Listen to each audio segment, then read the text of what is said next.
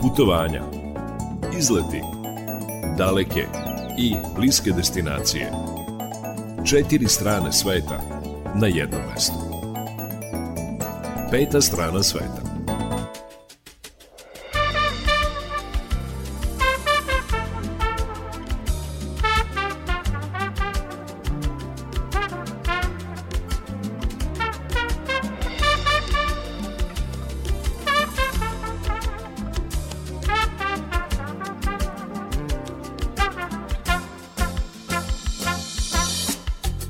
Poštovani slušalci, dobar dan, dobrodošli u poslednje novogodišnje izdanje turističkog magazina Peta strana sveta.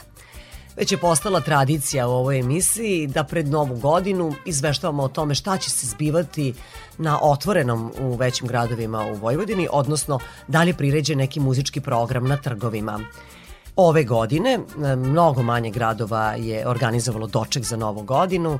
Mi ćemo vam saopštiti one informacije do kojih smo došli, pa ćemo tako govoriti i kako će nova godina biti dočekana u Sremu, Banatu i Bačkoj. Dakle, fokusirat ćemo se na Vojvodinu, a potom ćemo govoriti o Kipru zbog toga što je to mediteransko ostrvo ove godine najinteresantnije kada je reč o toplim destinacijama u vreme zimskih meseci, najinteresantnije za domaće turiste. Ja ću pozvati Milana Marijanca koji promoviše već 8 godina unatrag to ostrvo i on će nam preneti svoje utiske, on se nalazi na Kipru. Saznaćemo naravno i kako će tamo biti dočekana nova godina. Nakon toga sumiramo utiske i govorimo o jednom veoma važnom projektu koji je završen. To je projekat u kojem je učestvovao Prirodno-matematički fakultet, a govori o turizmu u zaštićenim područjima. Nakon toga čućete i našu stalnu rubriku Vesti iz sveta turizma. Ovu emisiju, koja traje do 18 časova, realizovaće muzički urednik Srđana Nikolić, majstor tona Aleksandar Sivč, Ja sam Irina Samopjan i volim da kažem na početku, neka ovo naše putovanje počne.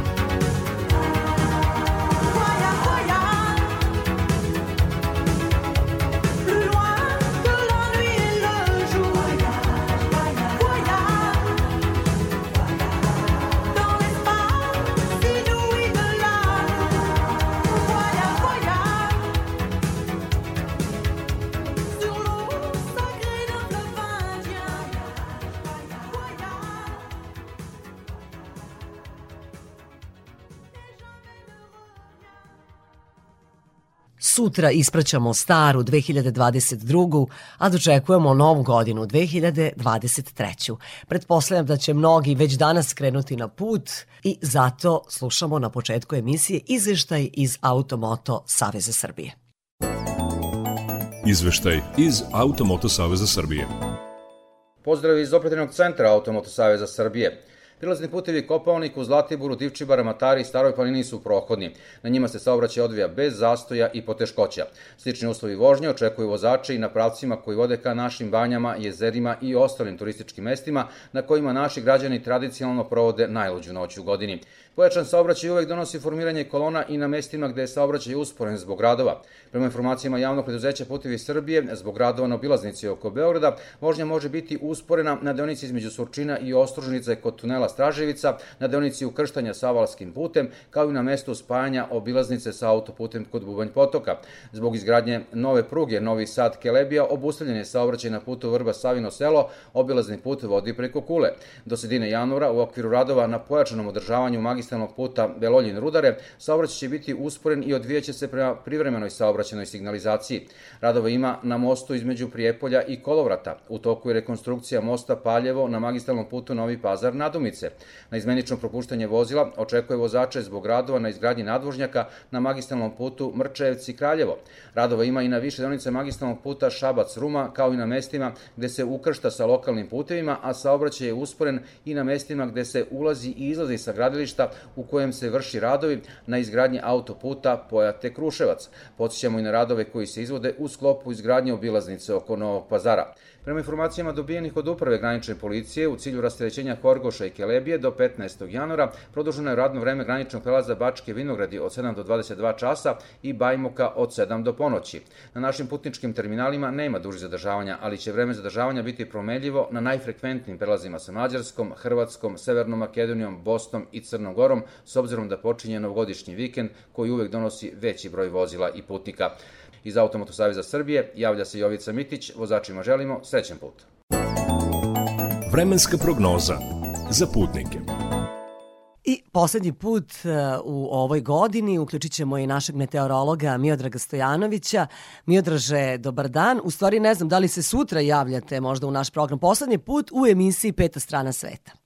To jeste, pošto će me zvati, jutarnji progled će me zvati da, da konačno ovaj prognozu damo za, za novogodišnju noć. Evo, mi sada možemo neku preliminarnu, ali u stvari otprilike se zna, već su osvanuli i mnogi naslovi, kaže nova godina biće dočekana u kratkim rukavima. E sad, pa neće, pa neće, neće baš, baš nego hteli su da kažu kako će biti veoma toplo uh, za ovo doba godine, pa evo vi recite kakve su prognoze, dakle kakvo će biti vreme sutra, narednih dana, prazničnih dana, radi se tek od srede. Prognoza je lijepa. No, mislim, za one koji, kojima sneg baš ne nedostaje previše, lepa je. Znači, ceo taj period pretežno sunčano sa vrlo malo oblaka, toplo za ovo, ovo doba godine. U narednim danima temperatura stalno iznad, iznad, mogu da kažem, iznad 14 stepeni. Sutra baš, baš toplo, najviša temperatura bi trebalo da dostigne i 18 stepeni, slab vetar južnih pravaca, uglavnom sunčano, u toku noći po neki oblačak, ništa, ništa specijalno i temperatura sutra za, za doček negde oko 9 stepeni. Znači, I što je najbitnije, neće biti padavina. Ne, ne, ne, padavina nema, padavina nema tamo tek do sredine sledeće, sledeće godine, da kažem. To dobro zvuči. Miodraže, hvala vam što ste bili meteorolog, naš meteorolog u ovoj 2022. godini. Želim vam sve najbolje, e, da se lepo provedete sutra, da uživate sa prijateljima u društvu. Znam da ćete tako provesti i dočekati novu godinu. I eto, bit ćete naš meteorolog i u novoj godini. Pa hvala Irina, ja se nadam da ću biti sledeće godine uh, uh, vaš meteorolog i vaših slušalaca meteorologa, ali to ne zavisi samo od mene. I da vam uzvratim sve da, da, da svim ovim lepim željama uh, i samo najvažnije za, za sve da, da poželim puno zdravlja. Sve najbolje, sve najbolje mi je drže, prijetno. Važi, prijetno. prijetno.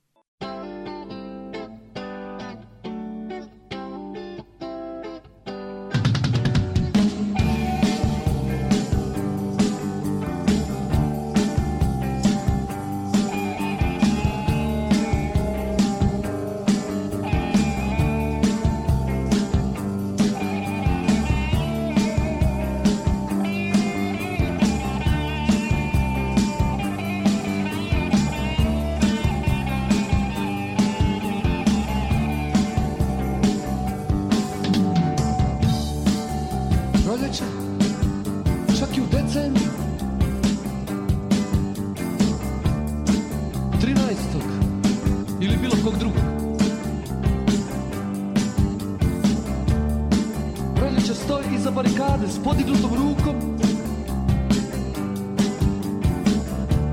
Zar sumnjaš u svoju djecu? Misliš da ne pamte? Misliš da ne pamte? Proljeće 13. u decembru Ili bilo kog drugog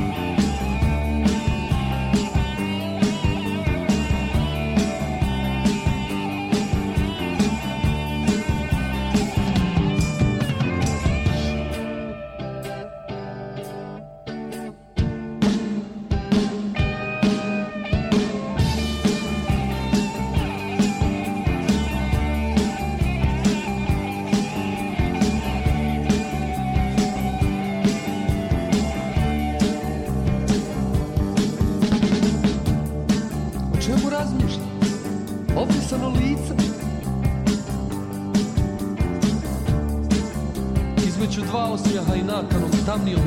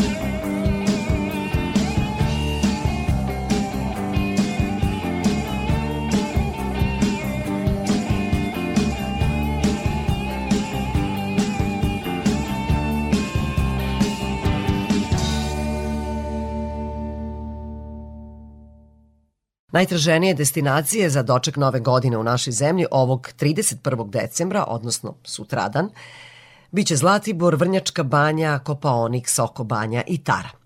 A mi ćemo uskoro govoriti o dočeku nove godine na otvorenom, odnosno na trgovima u vojvođanskim gradovima. Budite uz nas.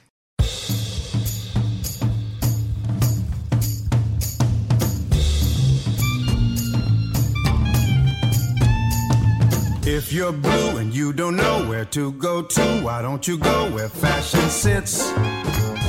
Putting on the Ritz.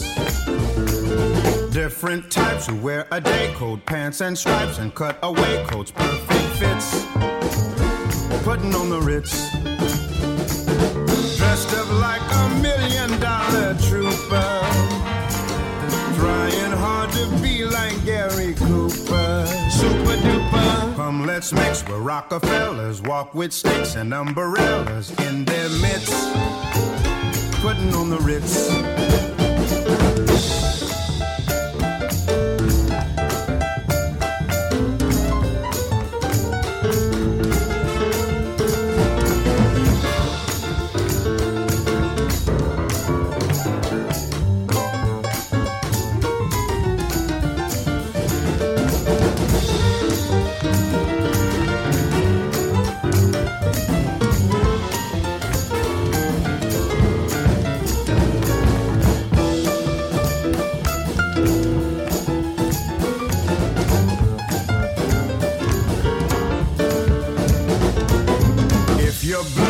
You don't know where to go to, why don't you go where fashion sits?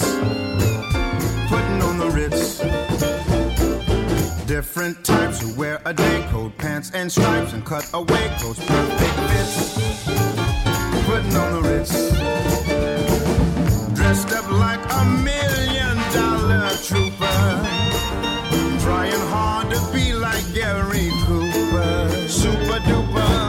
Let's mix where Rockefeller walks with sticks and umbrellas in their midst. Putting on the Ritz. Putting on the Ritz. Putting on the Ritz.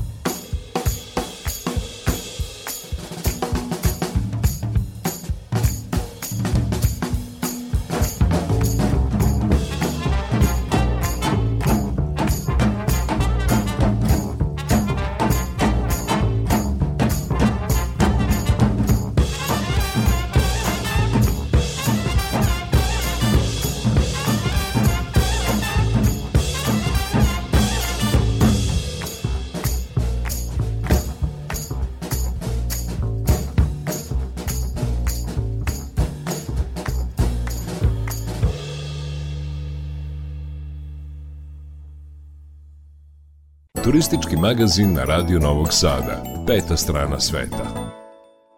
Novi Sad već godinama unazad poznat je po dnevnim žurkama i njih će nesumnjamo biti mnogo u gradu. Negde se naplaćuje ulaz, negde ne.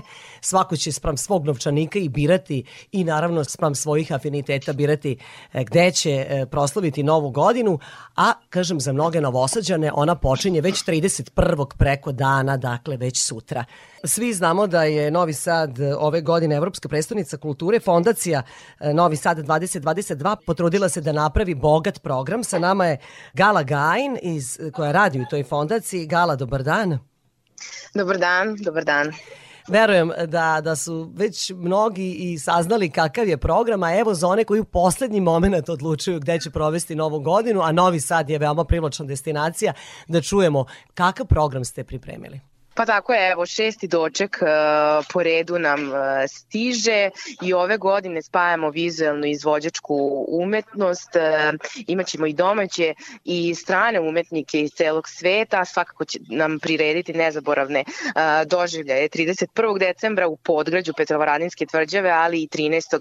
januara širom uh, grada na kultnim lokacijama u gradu. Kada je reč o 31. odnosno šta nam se dešava sutra kada ulazimo u 2023. godinu podgrađem će se čuti glasovi svetskih zvezda kao što je čuveni trio Košin, zatim dobitnici Brit nagrade sastav Stereo MCs, takođe miljenih berlinskih klubova DJ Bizmans, takođe jedan od najvećih i najpopularnijih vokalnih sastava na svetu Perpetuum Jazzile, ali i čuveni domaći alternativni bendovi, repetitor, obojeni program i uh, monohrom. Uh, ono što bih dodala jeste da se 13. Uh, program uh, nastavlja u, u tom našem dobro poznatom maniru, pa ćemo slušati brojne izvođače, muzičare takođe 13. januara, ali ti se koncerti naplaćaju, tako da svi zainteresovani mogu svoje karte nabaviti na svim Geekstix prodajnim mestima. Dodala bih još da sutra ćemo imati priliku da pogledamo e, izložbu Vreme i Vaseljena, doktora Dušana e, Jovovića i Aleksandra Petrovića, sa kojom smo zapravo i ušli u godinu titule Evropske predstavnice e, kulture. Nekoliko termina će biti od 12 časova u studiju M kada će publika moći da prisustuje još jednom kustoskom vođenju kroz ovu izložbu. Tada će nas i voditi Milutin Milanković. Učit će se ulozi naći i glumac Srpskog narodnog pozorišta Aleksandar Gajin, a imaćemo premjernu priliku i da pogledamo izložbu Mileva. Mi smo e, stena u novoobnovljenom e, muzeju grada Novog Sada e, na Petrovaradinskoj tvrđevi, takođe autora doktora Dušana Jovovića. Rekla si da će biti koncertna izvođenja u podnožju Petrovaradinske tvrđave. U koliko Tako časova počinje? Ako hoćemo sve koncerte da odgledamo, kada treba da dođemo na prvi? Prvi koncert počinje u 9 sati u 21 sat u stvari, to je koncert e, Perpetuum Jazzila, tako da eto, da negde krenemo da se skupljamo od nekih 8 sati tamo. Da se e, zagrevamo. Da. Tako je, tako je. Svaki od tih koncerta, to je nešto što nisam dodala, svaki od tih koncerta biće na specifičan e, način e, obojen, dolaze nam e, poznati svetski, ali i domaći vizuelni e, umetnici, tako da ovaj, ćemo e, kroz koncerte uživati kroz taj vizuelni uh, moment. Kada Novi Sad uh, prestaje da nosi titulu prestonice, Evropske prestonice kulture, znali se tačan datum? Tako je, svečano predajemo našu uh, titulu uh, 13. januara i to grčkoj Elefsini, uh, Temišvaru i mađarskom Vespremu. E, hoće li Fondacija Novi Sad 2022 nastaviti da priređuje kulturna zbivanja u Vojvođanskoj prestonici i 2023. Pa moram vas zamoliti za još malo strpljenja, Aha. pa ćemo svakako sa, sa konačnim informacijama e, za koji dan izaći što se tiče toga. Hvala vam što ste govorili za Radio Novi Sad, što ste obavestili slušalce šta će se sve zbivati za sam doček, dakle sutra 31. decembra. E, za Radio, Hvala za Radio Novi Sad govorila Gajala Gajin koja radi u fondaciji Novi Sad 2022. Peta strana sveta.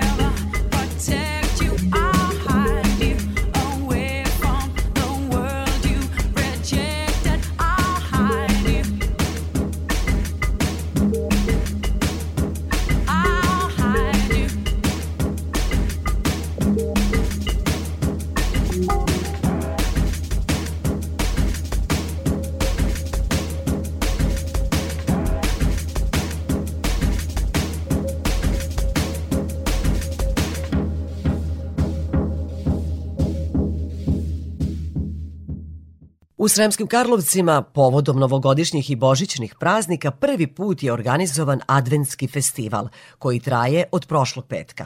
Osim božićnog marketa u centru toga grada, sutra će biti upriličen i muzički program. O tome šta za novu godinu pripremaju Sremski Karlovci otkriva nam direktorka tamošnje turističke organizacije Jasmina Beljan Iskrin. Imamo 31. E, popodnevni koncert od 16 sati do 21 kod Česme 4 Lava, Silicinom 2 benda. Prvi bend koji će nastupiti je Kilo Kilo Banda, a potom i e, Keckec. E, nakon toga po našim restoranima u Sremskim Karlovcima moći ćete da uživate u tamburaškoj muzici. Ono što nam sledi nakon nove godine sa ulaskom u novu godinu jeste Božićni market koji će biti priređen u samom centru Sremskih Karlovaca 5. i 6. januara, e, dakle od 12 e, sati u podne, od podneva, pa sve negde do uveče, do, do 17-18 sati. Božićni market, uz Božićni market priredili smo i program za decu, pre svega predstave, animacije i 6 E, pred e, bogosluženje i pred paljenje badnjaka imaćemo tamburaški orkestar u centru Karlovaca. E, naravno, pored toga, paralelni program imamo 5. i 6. Pozivamo sve zainteresovane da dođu na radionicu oželjavanja tradicije koja će biti organizovana i za decu, ali posebne radionice i za odrasle. Tako da vas pozivamo da dođete u Sremske Karlovce, da uživate na stvarno jedan predivan način, romantičan način, dakle jesu Sremski Karlovci i pored svega što ćete imati mogućnost da okusite na, na trgu, da osetite i mirise i ukuse uh, ovog našeg podnevlja, pored toga možete i dalje sa našim vodičima da idete u razgledanje svih naših predivnih objekata u Karlovcu. Je li ima neki poseban termin kada treba da budemo u centru Karlovaca ako hoćemo da budemo deo turističke ture? Nema poseban termin, dovoljno je da se najavite u turističku organizaciju ukoliko želite da idete u organizovani obilazak. Dakle, javite se, najavite se u turističkoj organizaciji, mi ćemo organizovati i vodiča i gostoprimca u objektima, tako da ćete zajedno sa našim divnim domaćinima moći da vidite ono što je najlepše zaista u, u našem mestu a Sremski Karlovci zaista imaju mnogo, mnogo toga da ponude svim posetiocima, posebno onima koji prvi put dolaze u taj barokni gradić. Sremski Karlovci imaju da ponude pre svega uh, jedan mir, jedan ugođaj, ali pored toga, znači onim monumentalnim zgradama, mi imamo otkrivamo šta se tu sve znači nalazi. Uh, u Bogosloviji uh, turisti mogu da razgledaju spomen sobu i svečanu salu, zatim u E, Patrijašijskom dvoru da obiđu lepu riznicu, e, sedam soba gde su očuvane, e, očuvani predmeti religijski koji su negde iz okolnih prostora, ne samo znači iz Karlovaca i sa Fruške gore. Zatim može da se obiđe saborna crkva sa ikonososom koji je i koji ima i svoju umetničku vrednost jer su ga oslikali najbolji slikari E, onih vremena, Teodor Kračun i Jakov Orselin. Zatim posle Saborne crkve tu je Rimokatolička crkva Svetog Trojstva koja je takođe se otvara za turiste, za turističke posete i naravno Karlovačka bogoslovija, jedna fantastična i građevina, znači jedno i arhitektonsko dostignuće, ali i svoju unutrašnjost znači otvara za turiste i možete da e, pogledate spomen biblioteku kao i svečanu salu. Dakle, pored svega toga što sam nabrojala, naravno da su naše vinari i naši vinari izuzetni domaćini i oni vam otvaraju svoje podrume i pružaju fantastične priče o vinskoj ponudi koju imamo i u Sremskim Karlovcima, ali i na vinskom putu Fruške gore. Sa nama je bila Jasmina Beljan Iskrin, direktorka turističke organizacije Sremskih Karlovaca. Ostanite uz Radio Novi Sad. Peta strana sveta.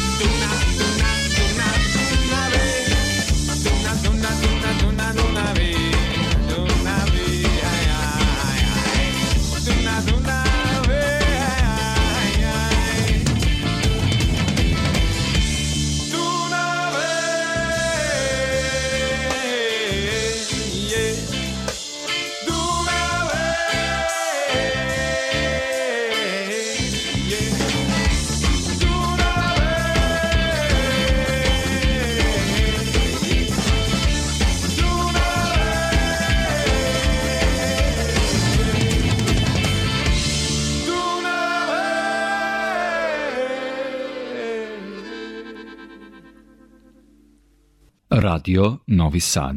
Kada je reč o drugim gradovima u Bačkoj, u kojima će biti organizovan doček nove godine na trgu, i Sumborci i Apatinci će u novu godinu ući uz narodnu muziku. U Banatu je drugačiji repertoar, naime, jedino će u Zrenjaninu biti dočekana nova godina na trgu. U ponudi su opcije, naravno, i u restoranima, u stamburaše, u klubovima uz narodnu i zabavnu muziku, ali i na gradskom trgu na kojem svake godine nastupaju poznati izvođači. O tome detaljnije direktorka turističke organizacije Zrenjanina Sanja Petrović. Na našem centralnom gradskom trgu, Trgu Slobode, postavljeno je Božićno selo gde svi naši sugrađani, ali i gosti mogu kupiti suvenire, proizvode iz domaće radinosti i okrepiti se uz kuvano vino, čaj, langoške, mekike i druge zimske specialitete. Mi smo se potrudili da pripremimo pri, prigodan program za ovu priliku, tako da nas i 31. decembra na trgu Slobeode očekuju nastupi bendova Francuska Sobarica, Uroš i Nejaki i Jimi Hendrix Tribute Banda. Sav ovaj program će početi u 22 časa i 30 minuta, a u ponoć ćemo se zabaviti uz tradicionalni vatromet. Pripremili ste i program za najmlađe. Da li će 31. biti deljeni paketići ili je to već učinjeno ranije?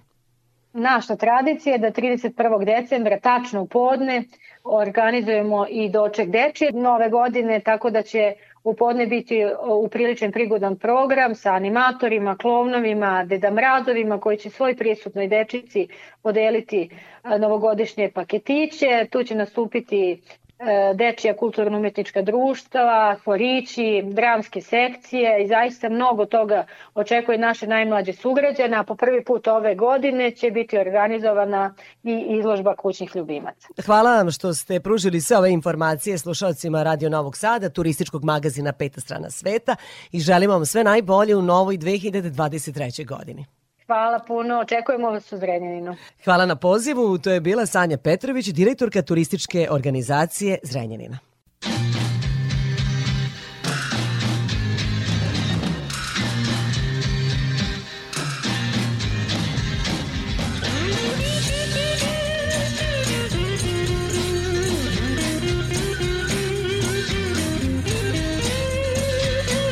There must be some kind of way out of here. Say the joker to the thief. There's too much confusion. I can't get no relief. Businessman there drink my wine. Plowman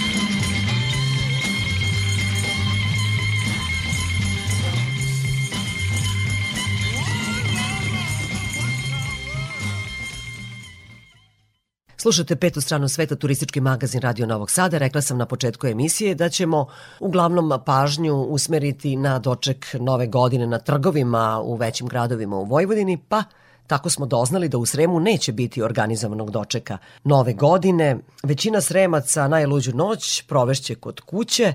Do tog zaključka je kroz anketu došla naša novinarka Dejana Kovačević. Kako će biti dočekana nova godina u Sremu, saznajemo u njenom prilogu koji sledi, a ona je osim sa sugrađanima Sremske Mitrovice razgovarala i sa organizatorkom proslave u hotelu Borkovac Marijanom Popović i sa direktorom turističke organizacije Sremska Mitrovica Dušanom Drčom.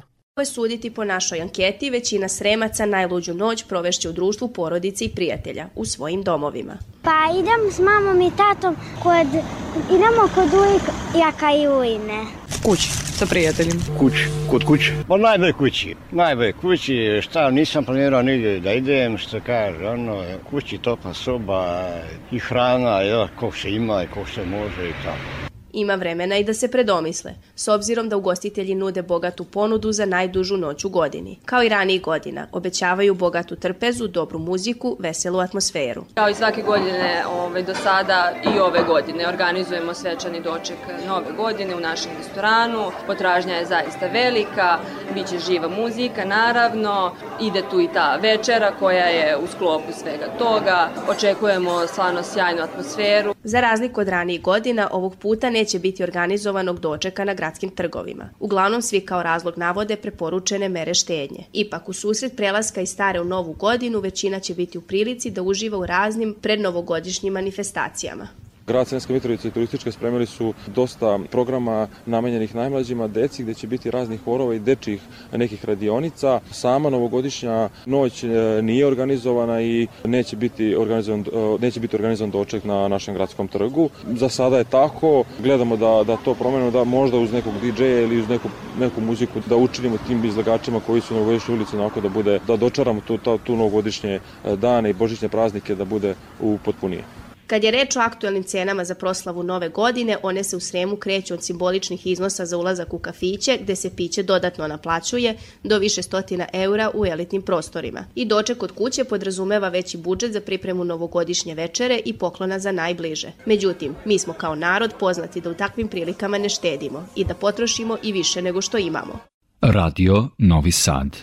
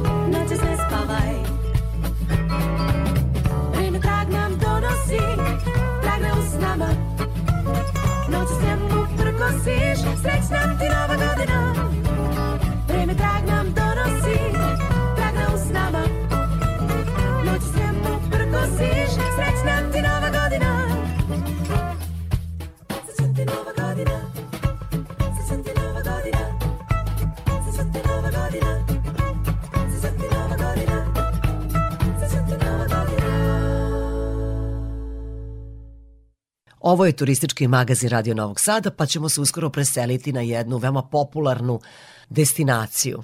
Na granici istoka i zapada između Evrope, Azije i Afrike sa čak 340 sunčanih dana godišnje nalazi se Kipar, treća najveća ostrvska država Mediterana. Kipar nazivaju i ostrvom ljubavi jer je na njemu rođena Afrodita. Uskoro idemo do tog božanstvenog ostrava svoje utiske o Kipru u decembru preneće nam Milan Marijanac, autor turističkog vodiča o toj zemlji i njen neformalni ambasador u našoj zemlji i zemljama u našem okruženju.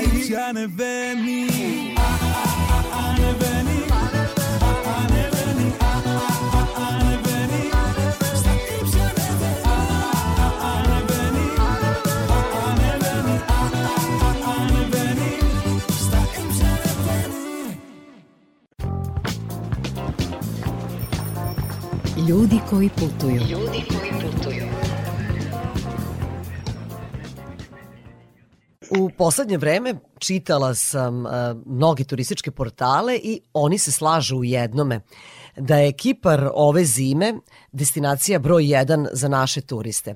E, verovatno ste i vi kada ste bili mali zamišljali kako novu godinu provodite na nekoj lepoj destinaciji. Šta to znači lepoj? Nekoj toploj. da, da stojite u pesku. E sad, e, našim turistima omiljene su destinacije već godinama unazad Dubai za novu godinu, pa ne znam, Egipat. To, to su neke tople zemlje koje uglavnom biramo, ali ove godine evo Kipar je izbio na prvo mesto. Zato sam ja pozvala Milana Marijanca, on je neformalni ambasador naše zemlje i zemalja u okruženju ili zemalja regiona kako više volite za Kipar. Milane, dobar dan.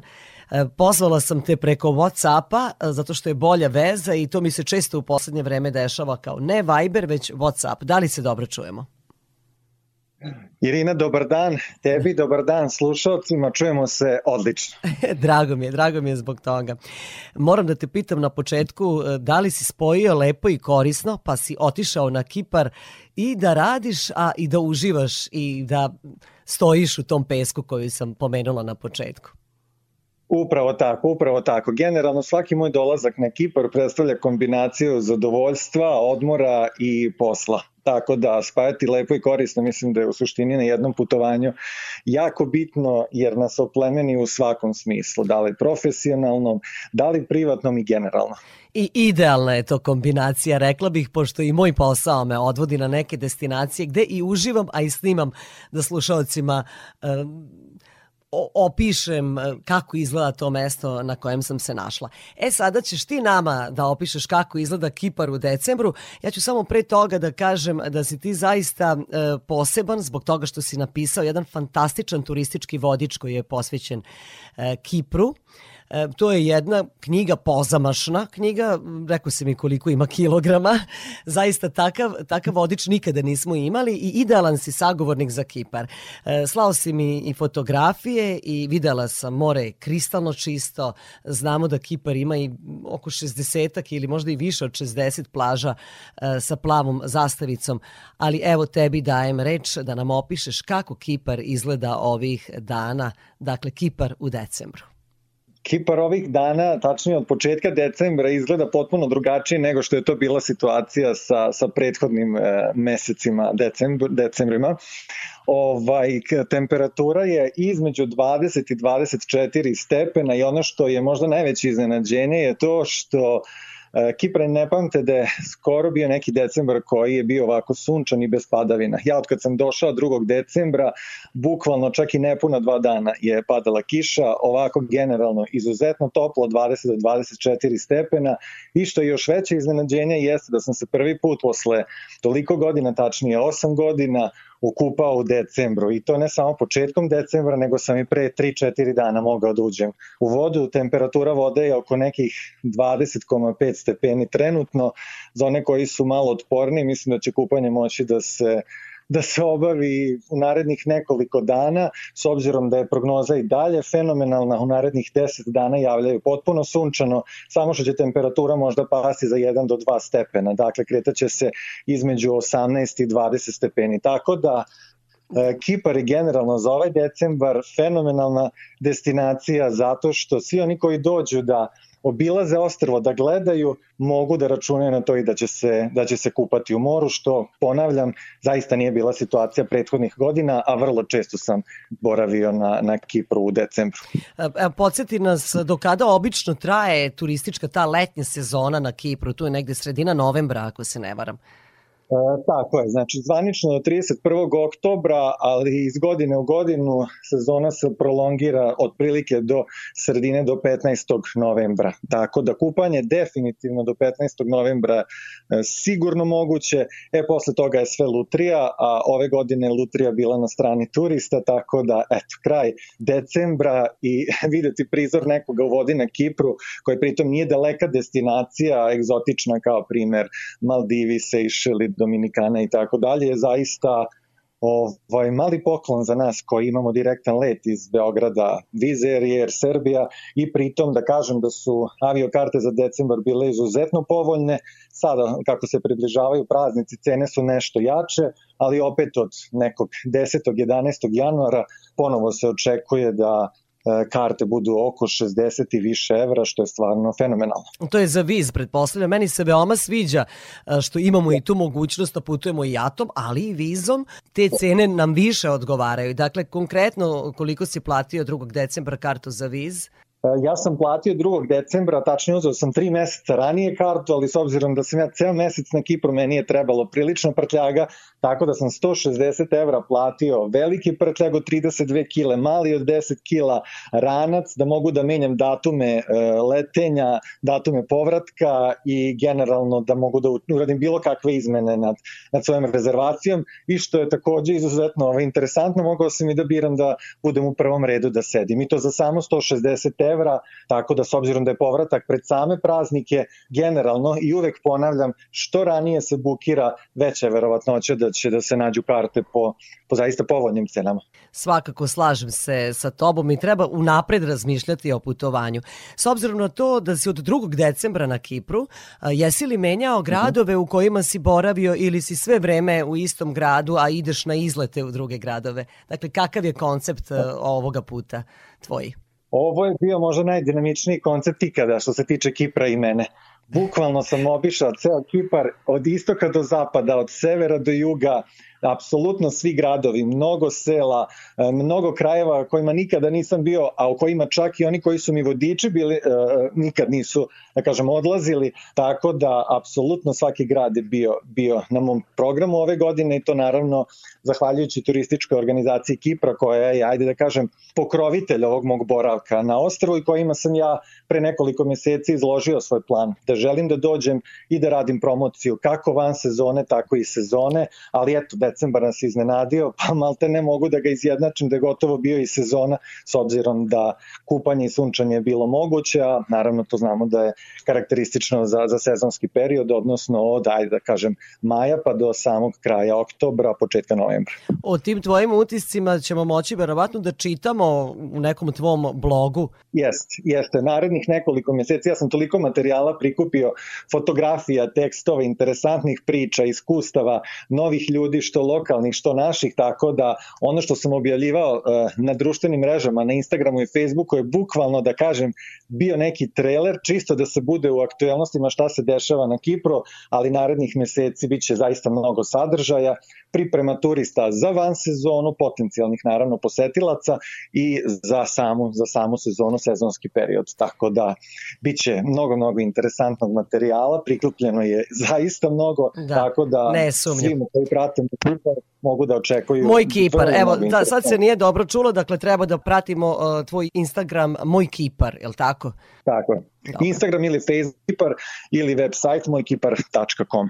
Milane, evo ovde ćemo se zaustaviti u razgovoru. Imam još pitanja za tebe. Podsjetit ću slušalce Radio Novog Sada, turističkog magazina Peta strana sveta. Moj sagovornik je Milan Marijanac. On je uh, ambasador naše zemlje i zemalja u okruženju za Kipar. Kažem ambasador, neformalni ambasador, zbog toga što nam prenosi svoje utiske sa tog ostrava u koji je, kako on voli da kaže, zaljubljen i to neizlečivo zaljubljen. Ostanite uz Radio Novi Sad.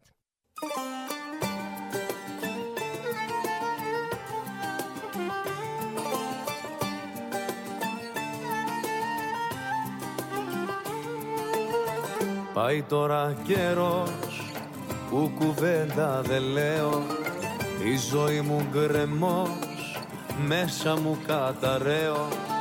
Κάνω πως δεν βλέπω και ας μην το αντέχω. Καμιά αμφιβολία τώρα πια δεν έχω. Υποκρίνεσαι στα φιλιά που μου δίνεις τώρα πια δεν αφήνεσαι. Υποκρίνεσαι. Όλο και πιο πολύ νιώθω ξένη να γίνεσαι. Πίσω απ' τα μάτια τα υγρά Ψάχνω να βρω τα μυστικά Και την αλήθεια που μου κρύβεις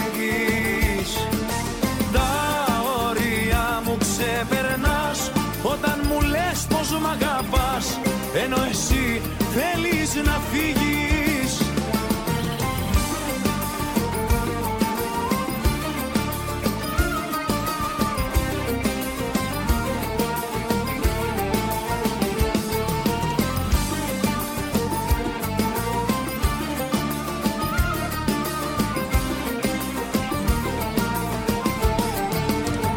Πάει τώρα καιρός που τα μάτια μου κλείνω η αλήθεια στο φως.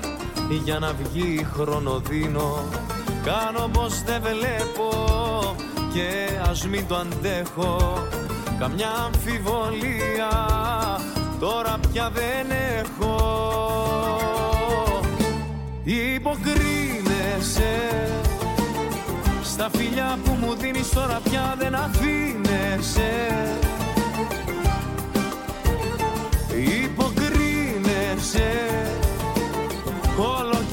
πολύ νιώθω ξέρει να γίνεσαι.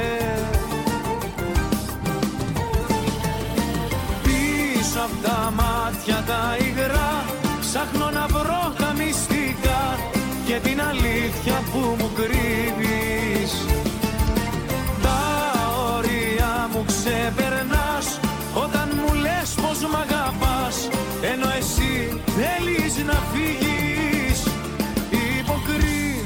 Υποκρίνεσαι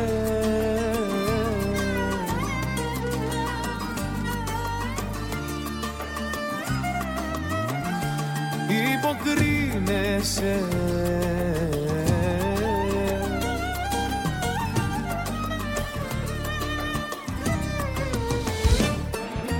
Πίσω απ' τα μάτια τα υγρά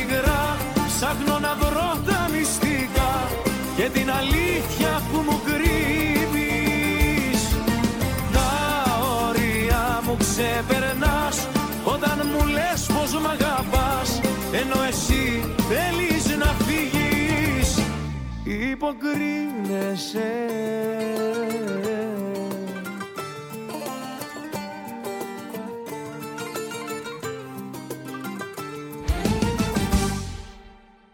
Govorimo o Kipru u decembru, kako on izgleda poslednjeg meseca u godini. Svoje utiske nam prenosi Milan Marijanac, neformalni ambasador naše zemlje i zemalja u regionu za Kipar. Znam da se ti sutra vraćaš i nećeš dočekati novu godinu na plaži, ali e, znaš li kako će ljudi na Kipru i turisti i stanovnici Kipra dočekati novu godinu? Šta Kipar priređuje i gradovi i veći gradovi na tom mediteranskom ostravu? Šta priređuju za novu godinu? Evo, ako moram prvo da kažem da je Kipranima koji slave Božić 25. decembra Božić u suštini mnogo bitniji od nove godine, što znači da je taj period godine prošao. Što se tiče nove godine na Kipru, mogu slobodno da kažem da je situacija nešto slična kao što je to kod nas u Srbiji, samo što mi naravno nemamo more pa ne možemo da provedemo na plaži.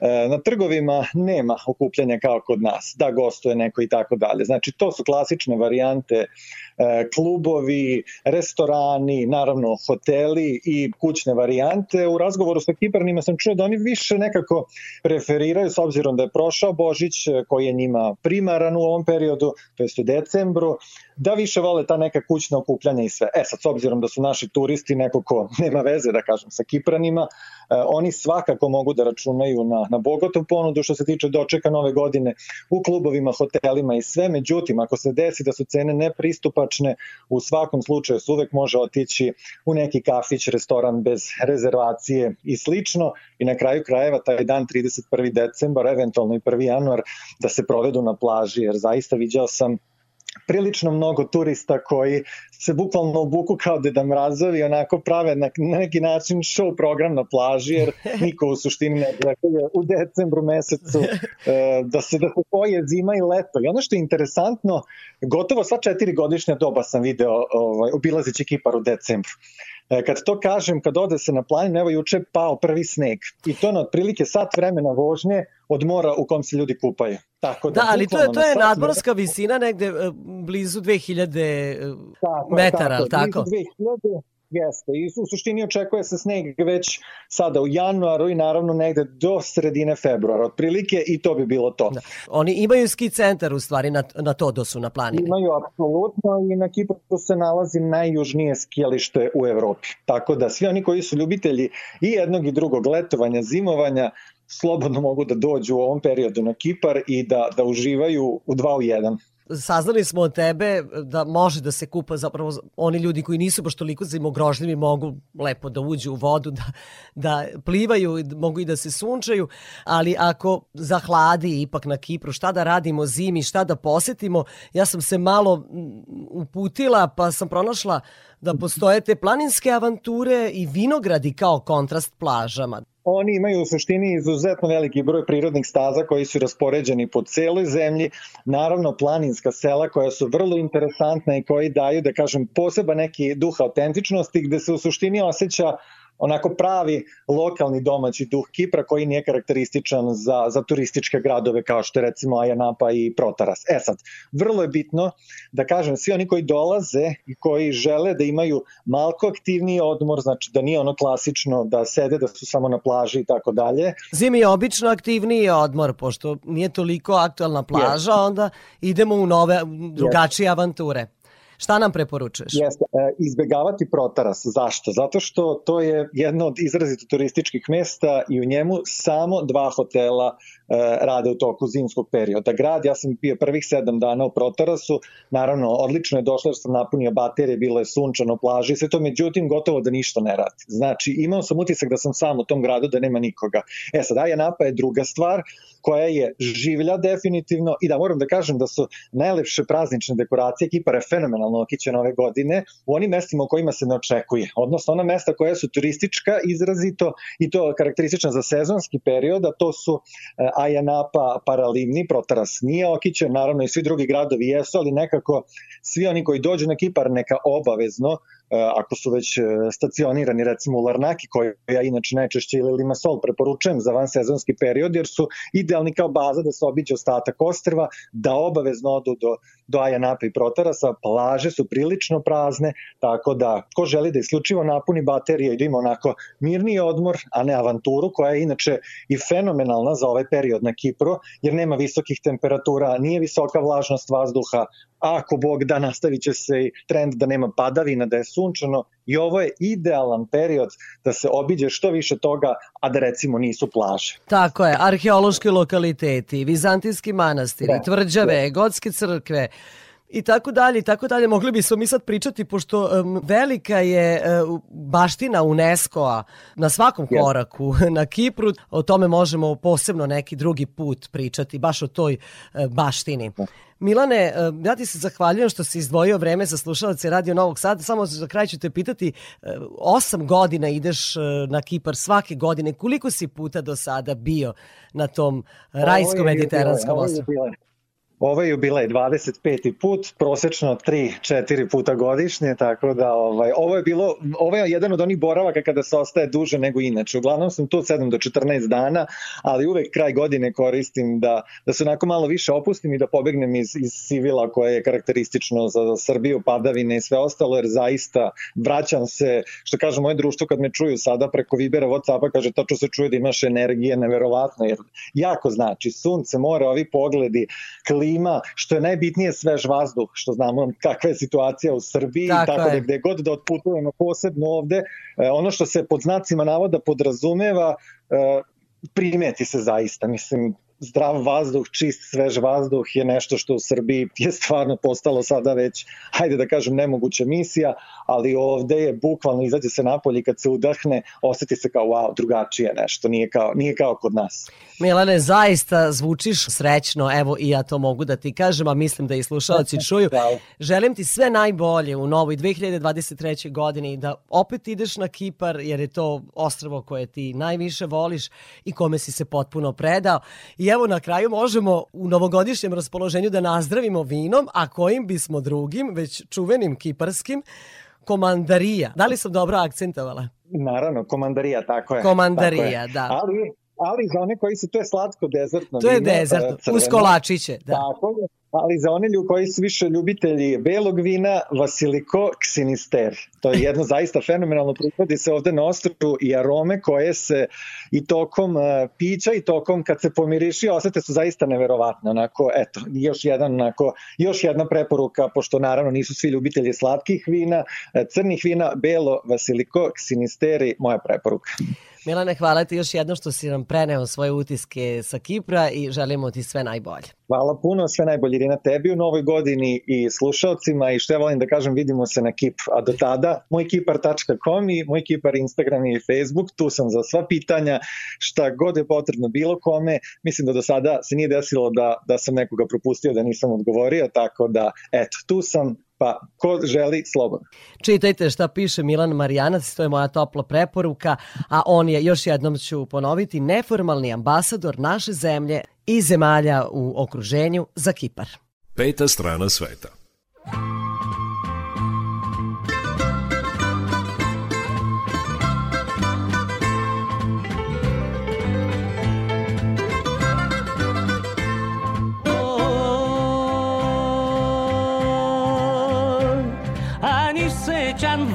Δεν είσαι του Δημάρχου παιδί. Του Δημάρχου παιδί. Εγώ να σε φιλήσω κι ας κάμω φυλακή Τα ριάλια, ριάλια, ριάλια Τα σελίνια μονάτια διπλά. Τα μονόλυρα, πεντόλυρα και πούντα Όποιες ευέγγεις που τάσεις στην πούγκα.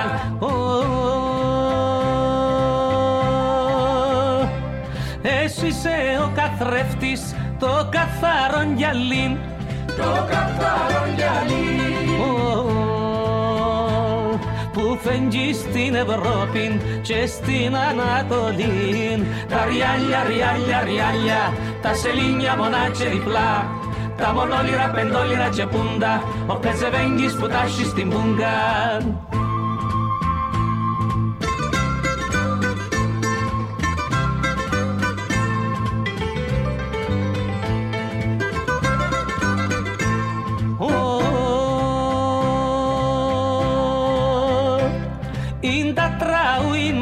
πω Μάνα μου να σ' αρέσει Μάνα μου να σ' αρέσει. Πως είσαι αγγελικών κορμήν και δαχτυλίν μέσιν Τα ριάλια, ριάλια, ριάλια Τα σελίνια μονάτια διπλά. Τα μονόλυρα, πεντόλυρα και πούντα Όποιες ευέγγεις που τάσεις στη μούγκα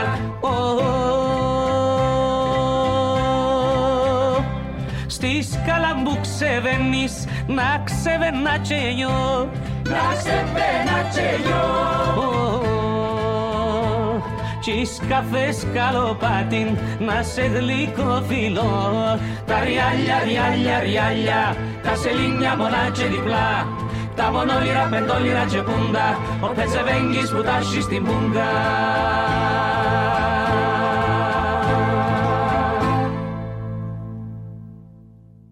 Ostanite uz Radio Novi Sad, bližimo se kraju emisije i govorit ćemo o jednom veoma važnom projektu koji je završen posle dve godine. U tom projektu učestvovalo je više zemalja, među njima i naša zemlja, odnosno predstavnici sa Prirodno-matematičkog fakulteta u Novom Sadu. Reč je o unapređenju održivog turizma u zaštićenim područjima.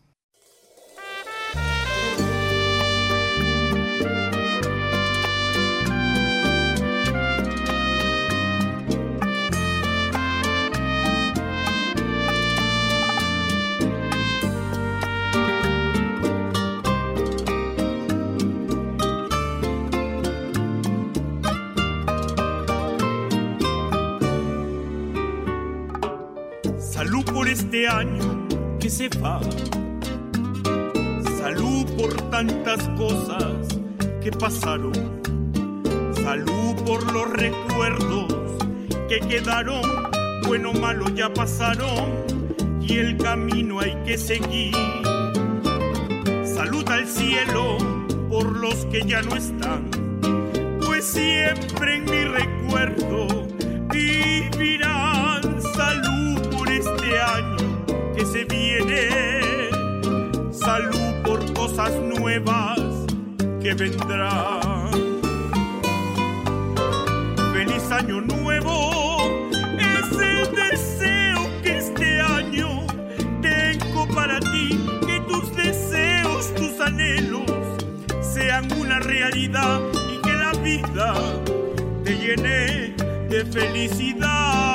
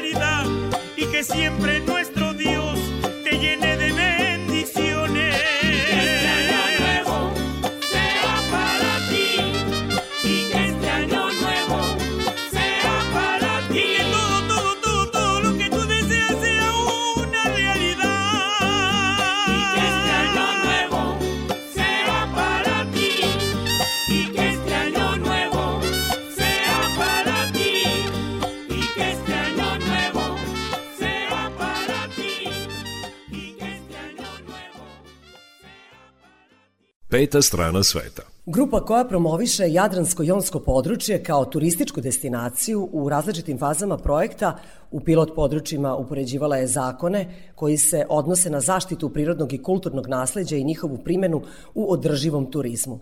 Suština je u tome da je koncept održivog turizma poželjno primeniti na sve vidove te privredne grane. Domaćini sa Departmana za geografiju, turizam i hotelijerstvo predstavljali su učesnicima projekta iz drugih zemalja naše primere dobre prakse na Fruškoj gori, u Sremskim Karlovcima Vinariju Živanović, Muzej pčelarstva, Ekološki centar Radulovačke, zatim manastir Veliku Remetu, Vrdničku kulu i Vinariju Erdevik. E, Moj sagovornik e, je profesor doktor sa Departmana za geografiju, turizam i hotelijerstvo Igor Stamenković, koji učestvuje u projektu od samog početka, a projekat traje već dve godine. Da, projekat e, traje dve godine i produžen je zbog korone do 31. marta 2023. Osim rada na izradi pro-nakul strategija za unapređenje transnacionalnih, nacionalnih, regionalnih i lokalnih politika, u kojoj su definisani vizije i misija koju treba pratiti prilikom unapređenja trenutne situacije na pilot području, a to je, rekli smo, Nacionalni park Fruška Gora s naše strane, članovi tima napisali su i akcioni plan. Šta on podrazumeva? Dakle, to je jedan od rezultata projekta. Kroz radionice koje smo o, vodili u tri navrata e, na raznim lokacijama na Fruškoj gori u pilot području sa stakeholderima, e, došli smo do informacija šta su to prepreke razvoja i e, stavili smo šest aktivnosti u akcioni plan. Jedna je od najvećih, najvažnijih da treba osnovati jednu regionalnu kancelariju koja bi se bavila pomaganjem ljudima koji su provajderi u turizmu, koji mogu nešto da ponude, a nemaju mogućnost da sami pišu međunarodne projekte i projekte prekogranične saradnje, da imaju kancelariju koja može u tom smislu da im pomogne oko popunjavanja aplikacije i da posle prati tok realizacije tih projekata. Pored toga, ponudili smo Nacionalnom parku Fruška Gora pomoć da izradimo aplikaciju za online plaćanje takse koja je sad po zakonu o zaštiti korišćenja zaštićenih prirodnih dobara obavezna, to ljudi ni ne znaju, to je jedan veliki prostor, jedna velika planina gde možete se više pravaca jel, da uđete u prostor nacionalnog parka, pošto njih nema dovoljno zaposlenih, oni ne mogu sami to da fizički ovaj, obuhvate celu teritoriju. Mislili smo da uradimo online aplikaciju, da svi ljudi koji prolaze kroz nacionalni park mogu da uplate tu jednu simboličnu taksu i predložili smo isto projekat da uradimo digitalnu mapu za korisnike tog prostora, svi koji odlaze na planinarenje, na pešačenje, vikendom znamo da je planina puna, jel, Novosađana, Beograđana, ljudi iz čitavih ovih krajeva, jel, koji dolaze da se rekreiraju, da napravimo digitalnu mapu uh, koja bi bila isto jedna aplikacija koja bi mogla preko Android i ovaj, telefona da se koristi na osnovu uh,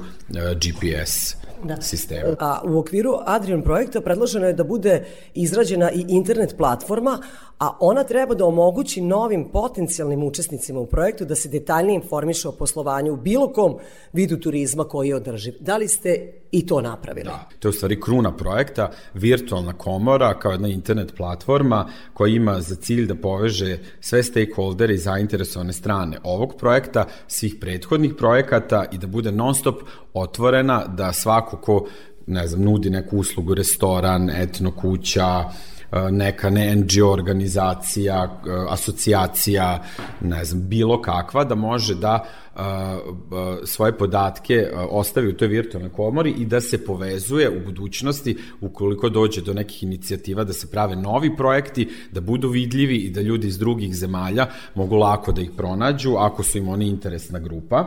Mi smo je podigli na internet i trenutno se puni tom bazom podataka, bit će dostupna svima, pristup će biti na osnovu memoranduma o saradnji, odnosno razumevanju, nema nikakvih posebnih obligacija, možete samo da potpišete s nama sporazum i, i ukoliko odlučite jednog dana da ne želite više da budete deo te virtualne komore, samo se izlogujete, znači nemate nikakve pravne konsekvence, to je prosto jedan virtualni svet u kome se svi sastajemo i dobijamo informacije jedni od drugih, možemo da komuniciramo, bit će prostor za vođenje razgovora, za video uh, konferencije i ljudi znači koji se bave turizmom na svaki način će moći da koriste tu platformu. Prostor razmena iskustva. Da. Kroz vašu strategiju koju ste uradili, urađena je i SWOT analiza svih snaga i slabosti na destinacijama.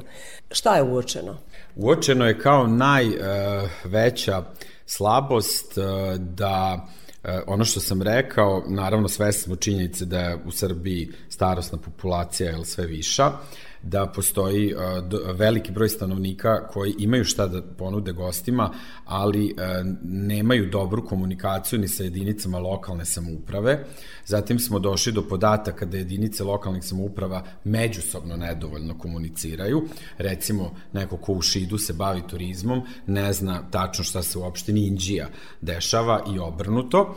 A, tako da smo ovaj predložili znači da bude jedno isto koordinaciono telo koje bi čitav prostor Srema i prostor nacionalnog parka i opšte planina Fručke gore stavi u jedan zajednički okvir da bar nekoliko puta godišnje sednu za sto i da možda čak naprave neki proizvodi i usluge sa kojima bi mogli zajednički da nastupaju na tržištu.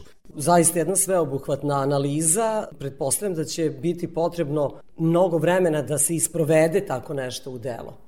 Jeste, to je najvažnije u stvari komunikacija, ono svesni smo u današnje vreme da se sve zasniva na komunikaciji i ovaj jedna isto od tih preporuka je upravo da ta kancelarija u budućnosti funkcioniše tako da ljudima nudi, ljudi imaju problem sa poznavanjem stranih jezika, korišćenjem interneta, neke stvari koje se možda podrazumevaju negde u razvijenijem svetu, jel u 21. veku, kod nas nažalost još nisu došle do tog nekog nivoa.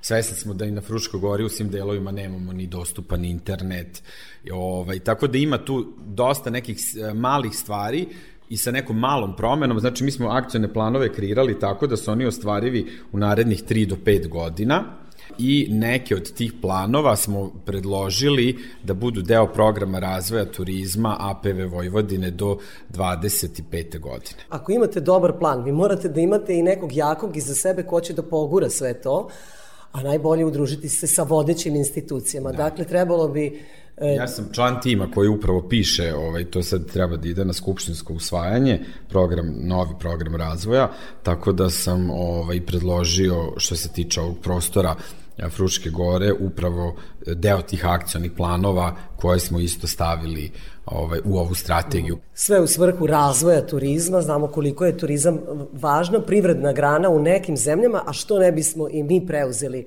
te neke dobre mehanizme.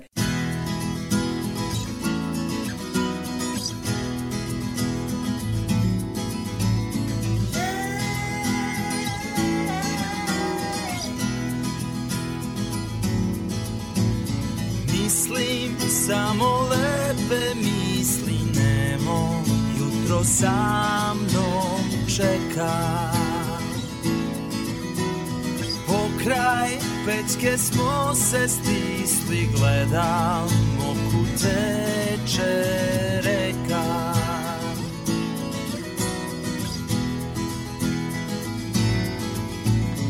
Naše vreme tek će doći neko mi na uvo zbori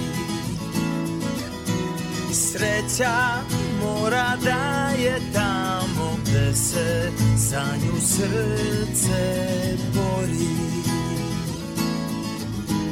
Crne ptice nekod lete u maglu Otkud su došle Vratit ćemo sunco krete. I okretat glavu suncu.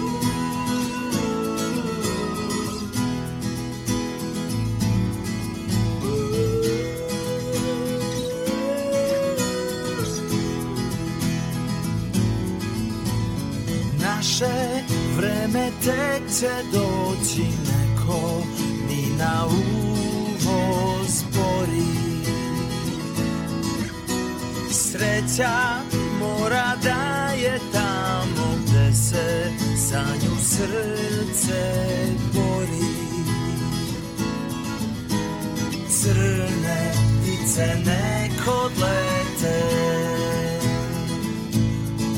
U maglu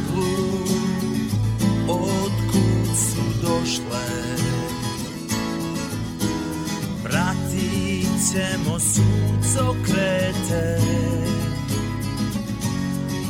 I okretat glavu suncu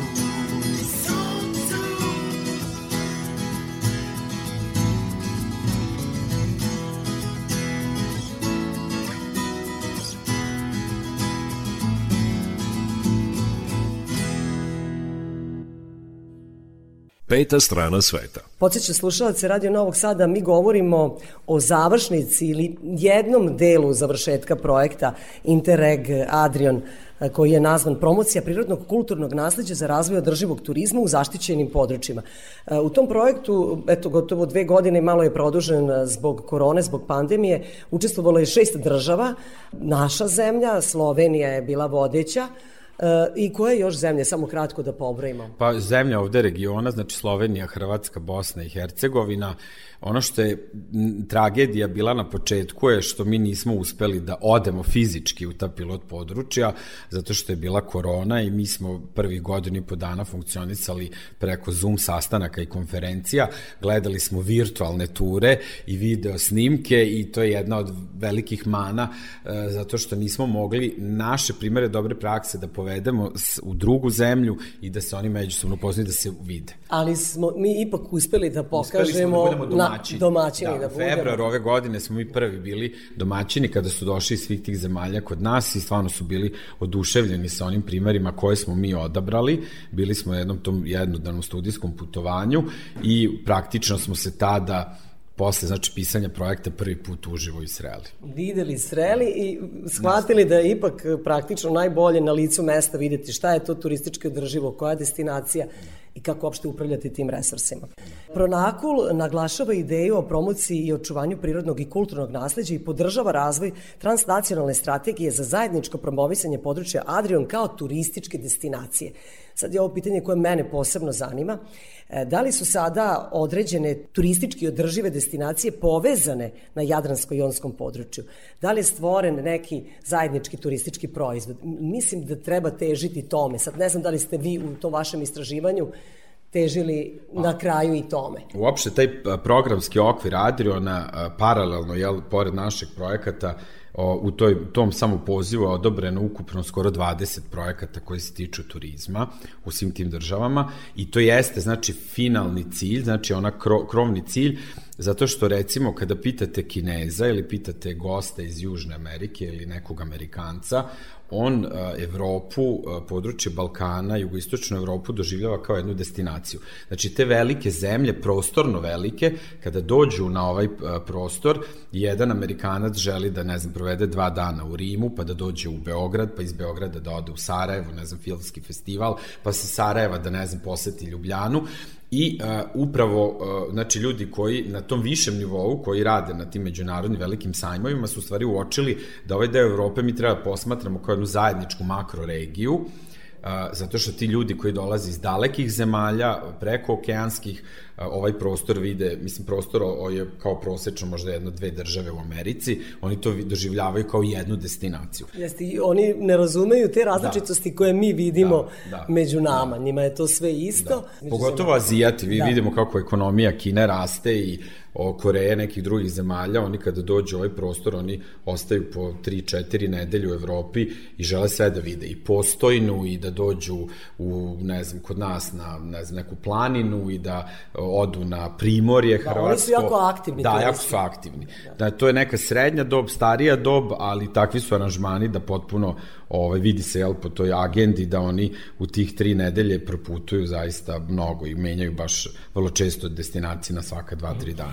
Hoće li onda u budućnosti vaša tendencija biti da napravite neki zajednički turistički proizvod sa šest zemalja koje su učestvovale u ovom Adrian projektu Da li je možda to budućnost vašeg projekta? Dakle, da. jedna turistička tura koja povezuje turistički održive destinacije. Da, upravo ta virtualna komora je platforma gde treba u stvari da se nacionalni koordinatori, recimo ja ću biti ispred našeg tima, naše države, da koordinatori pripremaju naknadne predloge projekata u pilot oblastima, da ih proširuju na druga područja po uzoru na tu metodologiju koju smo ovde primenili i da onda ti projekti budu identifikovani kao osnova predloga prema tom konceptu, znači da se sada dublje uđe kada smo analizirali šta su prepreke, da konkretno pravimo konkretne turističke rute kojima bi se oni kretali, i da kroz te sporazume o saradnji, znači povežemo i turističke agencije i turističke organizacije, ljude koji se bave zaštitom prirodnog i kulturnog nasleđa i da formiraju nove kulturne rute kojima bi se kretali turisti u budućnosti. Peta strana sveta, turistički magazin Radio Novog Sada je pravo mesto da se govori e, o ovoj temi i sada slušalci čuju e, da zaista nešto radimo u našoj zemlji ili bar u Vojvodini kada je reč o unapređenju turizma.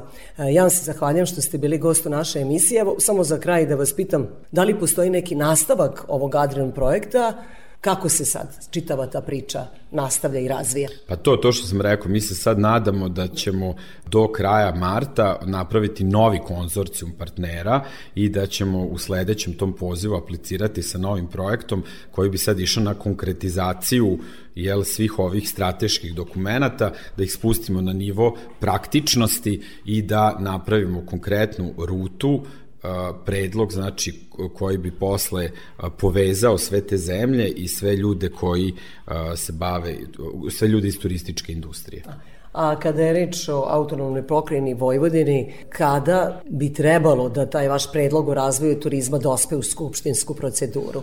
Pa ono što mogu da kažem, e, mi sad ne znamo, to su sad opet procedure, taj program razvoja ide dalje u ministarstvo, možda će biti e, stavljen na predlog sad u januarsku ili februarsku ovaj, skupštinu, e, znači to je program koji obuhvata 23. 24. i 25. godinu. Tako da na samom početku sledeće godine oni koji žele na pokrajinskom nivou da apliciraju jedinice lokalne samouprave prema znači tom pokrajinskom sekretarijatu za privredu i turizam moći će već da, da u okviru tog dokumenta planiraju svoje aktivnosti da se pozivaju na ono što smo mi tamo predložili. Ja se zahvaljujem na razgovoru e, Igoru Stamenković, on je profesor doktor na Departmanu za geografiju, turizam i hotelijerstvo i učesnik e, u e, Interreg Adrian projektu koji je nazvan Promocija prirodnog i kulturnog nasleđa za razvoj održivog turizma u zaštićenim područjima. Šest zemalja je učestvovalo u tom projektu, on je sad završen ili bolje da kažemo na kraju jedan deo. Taj najbitniji deo projekta je sada završen. Radio Novi Sad. Ostanite uz nas, uskoro će i vesti iz sveta turizma.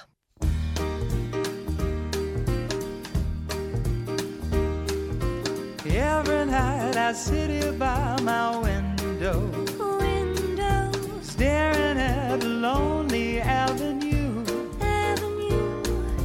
watching lovers holding hands and laughing. Ha ha ha. Thinking about the things we used to do. Walk in the park, things, like a kiss in the dark, things. like a sailboat ride. Yeah, yeah. What about the night we cried?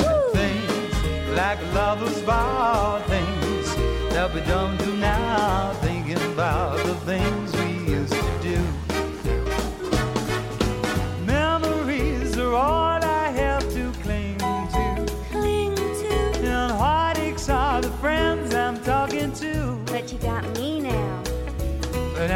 Thinking about just how much I love you. I love you too. I'm thinking about the things we used to do. We used to do. Think about things, Like a walk in the park, things, like a kiss in the dark, things. like a sailboat ride. Yeah, yeah. What about the night we cried?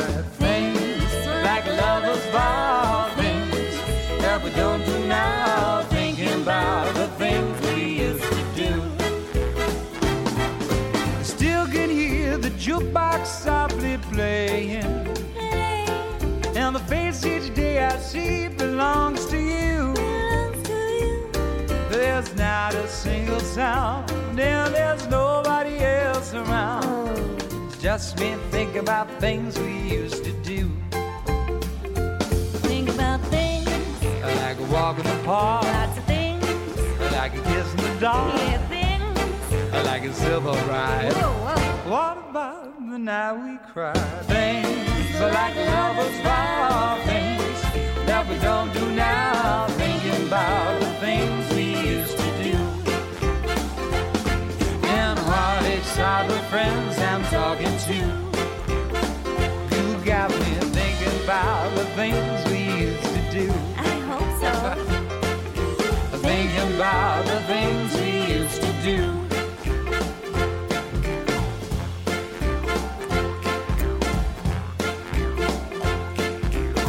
rubbish in that. Don't start that with me on this album. Why, why did you do it like that that time? Well, from start to finish, there, you're saying that I'm wrong. You Um, said uh, you the- said I had to think about Kylie when I was doing this, and I was. You obviously weren't thinking about Kylie, were you? You were thinking about June I can't hear Whitfield. you now. I can't hear you. Yeah, well, you're thinking about June Whitfield. That's who I you were think thinking about, somebody. You told me Kylie. Well, listen, you just came in wrong, and then it got progressively worse from there. You started wrong, then it just went Can't hear worse. you, cutting out. It went bad, bad, bad, bad, right towards Who the said end. bad? When you sang. No, when you sang. No. Yes, you can said hear me. Don't look. Look, you started this on your last album. I don't want anything to do with it. I'm going goodbye. Turistički magazin na Radio Novog Sada. Peta strana sveta. Evo i vesti iz sveta turizma.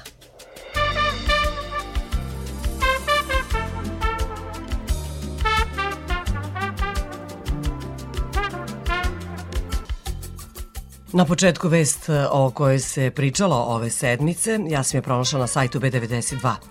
Evropska unija spušta rampu i Srbiji, uvodi se taksa za Schengen. Građani Srbije trenutno mogu da putuju u evropsku šengensku zonu bez vize ili bilo kakvog prethodnog odobrenja, ali od nove godine to više neće biti moguće. Naime, od naredne godine naši građani će morati da podnesu online zahtev kroz evropski sistem za odobravanje putovanja, skraćeno ETIAS, koji se plaća.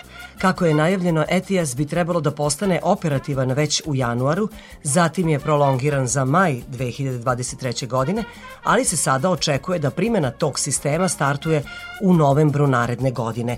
Te informacije stoje na zvaničnoj stranici Evropske unije. Kako izgleda procedura? Naši građani će popunjavati online formular za prijavu na zvaničnoj ETIAS web stranici ili mobilnoj aplikaciji koje će biti pokrenute kada ETIAS postane operativan.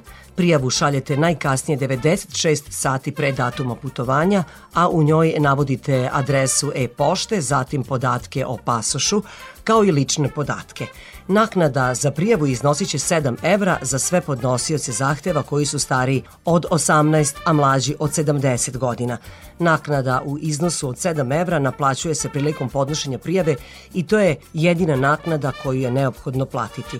Maloletnici i lica starija od 70 godina dobit će ETIAS, odnosno Evropski sistem za odobravanje putovanja, besplatno. Za prijavu će vam biti potrebno 10 minuta, a na odobrenje se čeka nekoliko minuta od trenutka podnošenja prijave. Dobijanje odobrenja važiće 3 godine i u tom periodu broj putovanja u zemlje Evropske unije nije ograničen. Uz ETIAS građani Srbije moći će da ostanu u Evropskoj uniji najviše 90 dana u periodu od 180 dana.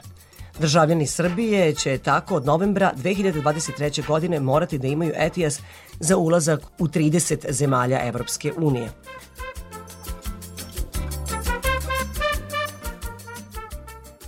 Evo jedne vesti sa sajta Turistički magazin. Prema European Best Destination, najposećenijem turističkom sajtu u Evropi koji sarađuje sa više od 300 turističkih organizacija, Ljubljana je osvojila nagradu European Best Destination za 2022. godinu. Ta nagrada je dodeljena za najbolji city break u Evropi u ovoj godini. Ljubljana je poznata kao grad za znatiželjne i avanturiste Snaga Ljubljane leži pre svega u njenoj otvorenosti i karakteru. Ljubljana nije zaboravila da se razvija i prati globalne održive trendove, ali je i dalje zadržala šarm i iskru za one koji toliko vole istorijsko gradsko jezgro, navodi European Best Destination.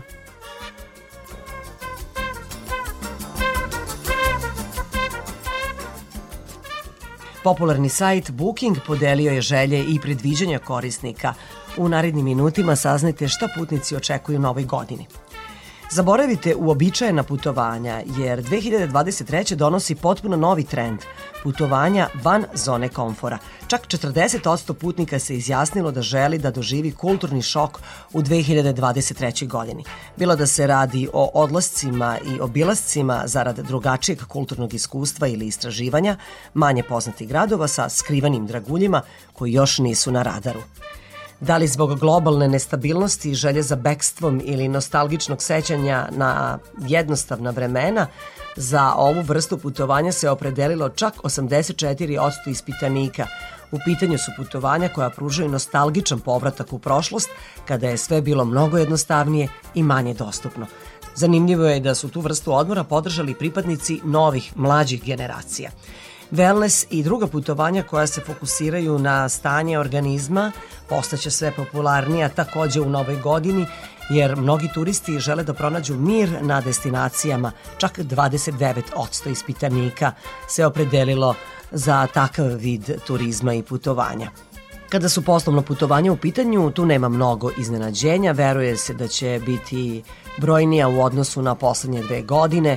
Radnici su najavili da žele da idu više na putovanja koja će im zaista omogućiti da se zbliže sa svojim kolegama i da bi bilo pošteno da poslodavci novac ušteđen na taj način što su radnici radili kod kuće potroše na neko fino kolektivno putovanje. Zbog opšte nesigurnosti i poskupljenja putnici će u 2023. godini nastaviti da razmišljaju o svakom dinaru koji troše na putovanjima.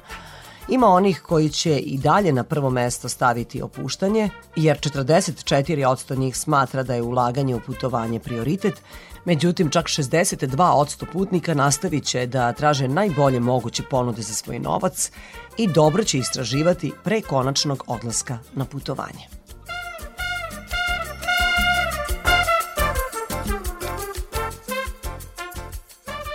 Ovo je bilo poslednje izdanje turističkog magazina za 2022. godinu. U nastupajućoj 2023. godini naravno želimo vam sve najbolje i da putujete onoliko koliko biste to želeli. Sa vama su ovoga petka bili muzički urednik Srđana Nikolić, majstor tona Aleksandar Sivč. Ja sam Irina Samopjan. Na kraju emisije želim vam srećan put.